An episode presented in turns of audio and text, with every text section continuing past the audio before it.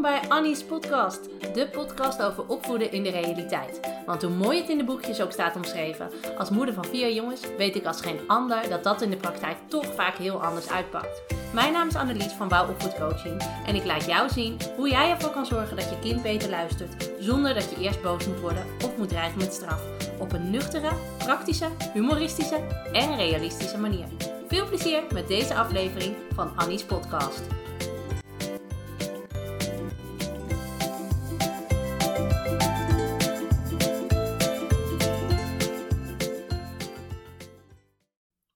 Tof dat je weer luistert naar een nieuwe aflevering van Annie's podcast. En leuk dat je er weer bij bent. Vandaag eh, wil ik een belangrijke tip met je delen over... ehm, gaat het nou eigenlijk om wat je kind nodig heeft of gaat het om wat jij nodig hebt?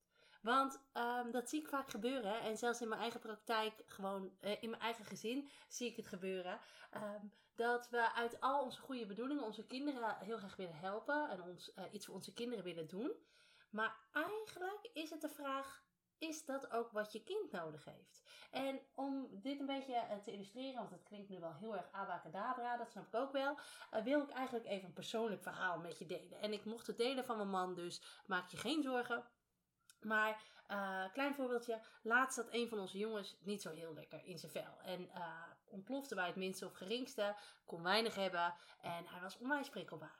En toen telkens eh, op hetzelfde punt zijn iPad-spelletje, eh, ze- dat hij zijn level niet haalde, werd hij gek. Ze- Het huis wa- was te klein, gillen, stampen, eh, de iPad was een rotting. Nou, je kent het ongetwijfeld, want volgens mij heeft ieder kind dat wel eens. En nou, mijn man haalde drie keer adem en die was vast van plan om dat goed aan te pakken. En nou, ik weet niet, als je hem kent, dan, dan eh, weet je dat het zo is. Maar de meeste van jullie kennen hem niet. Maar mijn man heeft echt een engelen geduld. En die krijg je niet zomaar eh, eh, gek. Maar die ging naast hem zitten en die vroeg, ehm, zal papa je helpen? En de lieftallige reactie die hij kreeg was, nee! Nou, dat ken je vast ook. Ehm, maar mijn man zei, nee joh, kom, ik kijk wel even met je mee. Kom, ik kom even naast je zitten. Nee! Nou, werd zo mogelijk nog kwader, als dat al kon. Ehm, maar mijn man zei, "Ah, kom nou even hier, ik wil je helpen. Nee! Was de reactie. Nou, het was uiteraard nog veel harder, maar eh, ik weet niet of je oortjes in hebt, maar dan tuten ze nu al. Maar ehm, weet je, het werkte niet. Dus ik fluisterde heel zacht tegen mijn man van, laat hem nou maar even. Maar mijn man zei, ja, ik wil hem zo graag helpen, dus laat het me nou nog even proberen. En hij zei nog een keer, kom nou, ik wil je echt even helpen, laat papa gewoon even meekijken.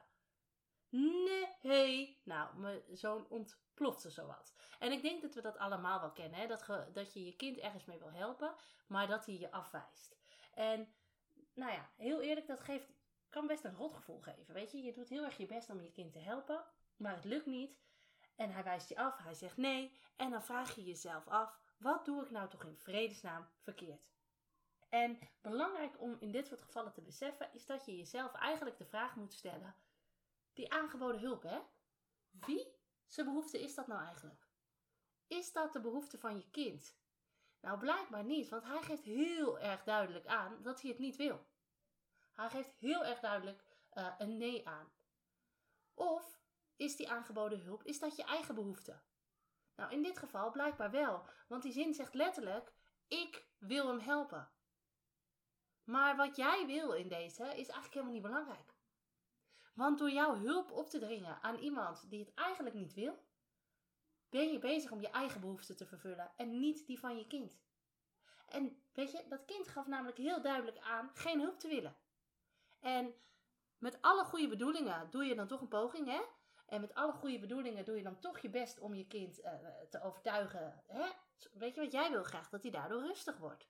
Maar het werkt averechts. Je kind wordt alleen maar kwader, heeft het gevoel dat er niet naar hem geluisterd wordt. Want hoe vaak moet ik nou nog nee zeggen voordat er, een keer, eh, eh, voordat er iets mee gedaan wordt? Ehm, dus het heeft helemaal geen zin. Dus uiteindelijk liet mijn man hem met rust. En vijf minuten later tikt hij me aan en hij zegt: je kijken. Nou, guess what happened? Hij zat heerlijk rustig in een boekje te bladeren. Even moraal van dit verhaal. Het is echt belangrijk om in dit soort situaties te kijken: wat heeft mijn kind nou nodig? En niet wat heb ik nodig? En niet wat denk ik dat mijn kind nodig heeft? En dan is het daarna ook wel genoeg, hè?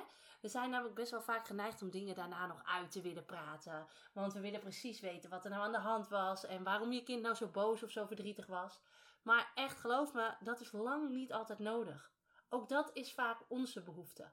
Wij willen het uitpraten. Wij willen onze kinderen ondersteunen. En we willen er voor ons kind zijn. En stiekem zijn we ook wel een beetje nieuwsgierig naar wat er nou aan de hand is. En wat er nou speelt bij ons kind. En dan gaan we van die irritante vragen stellen als... Waarom was je nou zo boos? Wat is er precies gebeurd? Is er soms wat gebeurd op school? Wat kan ik doen om je te helpen? Maar weet je, nogmaals, dat is niet de behoefte van je kind. Kinderen hebben helemaal geen zin om overal over te praten. En helemaal jongens niet, gechargeerd gezegd. Hè? Ik bedoel, er zijn altijd ehm, eh, eh, kinderen die, die, bij wie dat anders geldt. Maar over het algemeen zijn jongens al helemaal niet zo praatgraag. Um, weet je, kinderen zitten misschien niet lekker in hun vel, maar ze hebben geen zin om het daar uitgebreid over te hebben. Weet je, je hebt zelf ook geen zin om ieder zagrijnig moment uitgebreid te analyseren. Weet je, op een gegeven moment is het ook klaar. En voor kinderen al helemaal, hè. Kinderen zijn ontzettend impulsief en ze leven heel erg in het moment. En als het moment voorbij is, dan kunnen ze gewoon weer door. Weet je, dan zijn ze vergeten uh, wat er gebeurd is en ze leven alweer in het volgende moment. En door er dan nog over te willen gaan praten en het dan nog te willen bespreken, ben je eigenlijk oude koeien uit de sloot aan het halen. En dan zie je je kind met zijn ogen rollen, want voor hem is het helemaal geen issue meer. En het is wel een mooi voorbeeldje. Als je kinderen samen ruzie hebben, uh, daaraan kan je heel goed zien uh, hoe snel kinderen schakelen. En hoe snel zij, als zij het gevoel kwijt zijn, ook weer door kunnen. Want ze vechten elkaar de ene minuut de tent uit. En vijf minuten later zijn ze gewoon weer aan het spelen met elkaar. Weet je, die emotie is eruit. En dan kunnen zij weer door. Kijk, wij hebben vaak veel langer last van zo'n voorval. Het blijft veel langer hangen en we zijn daar nog lang mee bezig. Maar voor kinderen uh, is het eruit en dan is het ook weer klaar. En je kan altijd nog even aan je kind vragen. Uh, dat kan op dat moment zijn, kan ook een paar uurtjes later zijn. Uh, joh, wil je het nog over hebben over wat er nou vanmiddag gebeurde? Of is het goed zo? Dus, nogmaals, kijk naar wat de behoefte is van je kind en kijk niet naar wat je eigen behoefte is. Dan kan je pas echt een ondersteuning zijn voor je kind en dan help je hem pas echt. Want het punt is, als wij die gesprekken met onze kinderen aan willen gaan op onze manier, dan zie je gewoon vaak dat kinderen gelijk in de weerstand schieten. Dat ze gelijk denken, oh, daar gaan we weer, uh, hier heb ik helemaal geen zin in. En daarmee bereik je eigenlijk niks. Weet je, jij, jij zet het gesprek in omdat je graag wil dat het de volgende keer anders gaat. Maar in de praktijk levert het gewoon dat resultaat niet op. En als het dat resultaat niet oplevert, dan kan je er net zo goed mee stoppen. Daar heb ik een paar podcasts geleden ook met je over gehad. Uh, maar dat is echt, weet je, ik herhaal het gewoon nog maar een keer, want het is heel belangrijk dat je gaat inzien dat wat je doet, dat dat niet werkt. En er zijn echt wel manieren hoe je het gesprek wel aan kan gaan met je kind, zodat hij niet direct op slot gaat en dat hij wel open staat voor wat je te zeggen hebt. En je kan echt leren hoe jij um, ervoor kan zorgen dat je kind meer open gaat staan. Ten eerste voor wat jij te vertellen hebt, maar dat hij ook meer open gaat staan om jou te vertellen wat hem dwars zit. En uh, als je dat gaat doen, dan zal je ook merken dat je je kind in dit soort situaties niet van je afstoot, maar dat je hem juist veel dichter bij je kan houden. En dat je ook die band met elkaar gaat krijgen, waarin, uh, waarin je kind gewoon weet dat jij er voor hem bent, ook op die momenten dat het lastig is. Want het zijn vaak juist die lastige momenten waarop je kind jou eigenlijk heel hard nodig heeft. En dat zijn die momenten waarop je, um, nou ja, waarop je kind zich negatief gedraagt, waarin die uh, uh, eigenlijk om hulp vraagt. En dan ga ik trouwens, uh, nu ik het zeg, ik ga hem gelijk op mijn to-do-listje schrijven, want dat is een mooi onderwerp voor de podcast van volgende week. Um, maar als je hier nou mee aan de slag wil, um, en als jij ook wil leren van, oké, hoe kan ik dat gesprek nou aangaan op een manier dat mijn kind niet gelijk nee begint te gillen en niet gelijk die weerstand ingaat, Ga dan eventjes naar www.wouwopvoedcoaching.nl slash in gesprek. Want in mijn gloednieuwe cursus uh, van strijd met je kind naar uh, in gesprek met je kind ga je het allemaal stap voor stap leren. Ik zal de link nog even in de, uh, in de beschrijving zetten. Um, maar daar kan je er helemaal mee aan de slag en ga je echt leren, oké, hoe pak ik dat nou aan? Maar in ieder geval, moraal van deze podcast, um, luister naar wat je kind nodig heeft en kijk niet alleen maar naar wat jij denkt dat goed is. Dankjewel voor het luisteren. Ik hoorde uh, jongens binnenkomen, dus ik ga hem afsluiten en ik zie jullie uh, volgende keer. Groetjes!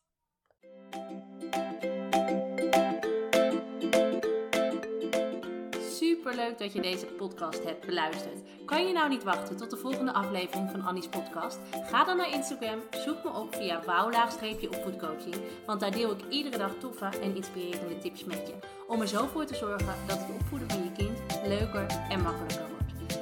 Wil je nou nog meer weten? Kijk dan ook even op www.wouwopvoedcoaching.nl slash gratis. Dan kun je je aanmelden voor mijn gratis e-book met 20 tips om ervoor te zorgen dat je kind beter gaat luisteren. Of je kunt je alvast aanmelden voor het webinar Stop met politieagentje spelen. Allebei gratis, dus je hebt eigenlijk geen enkele reden uh, om het niet te doen. Ik zie je volgende keer bij een nieuwe aflevering van Annie's podcast.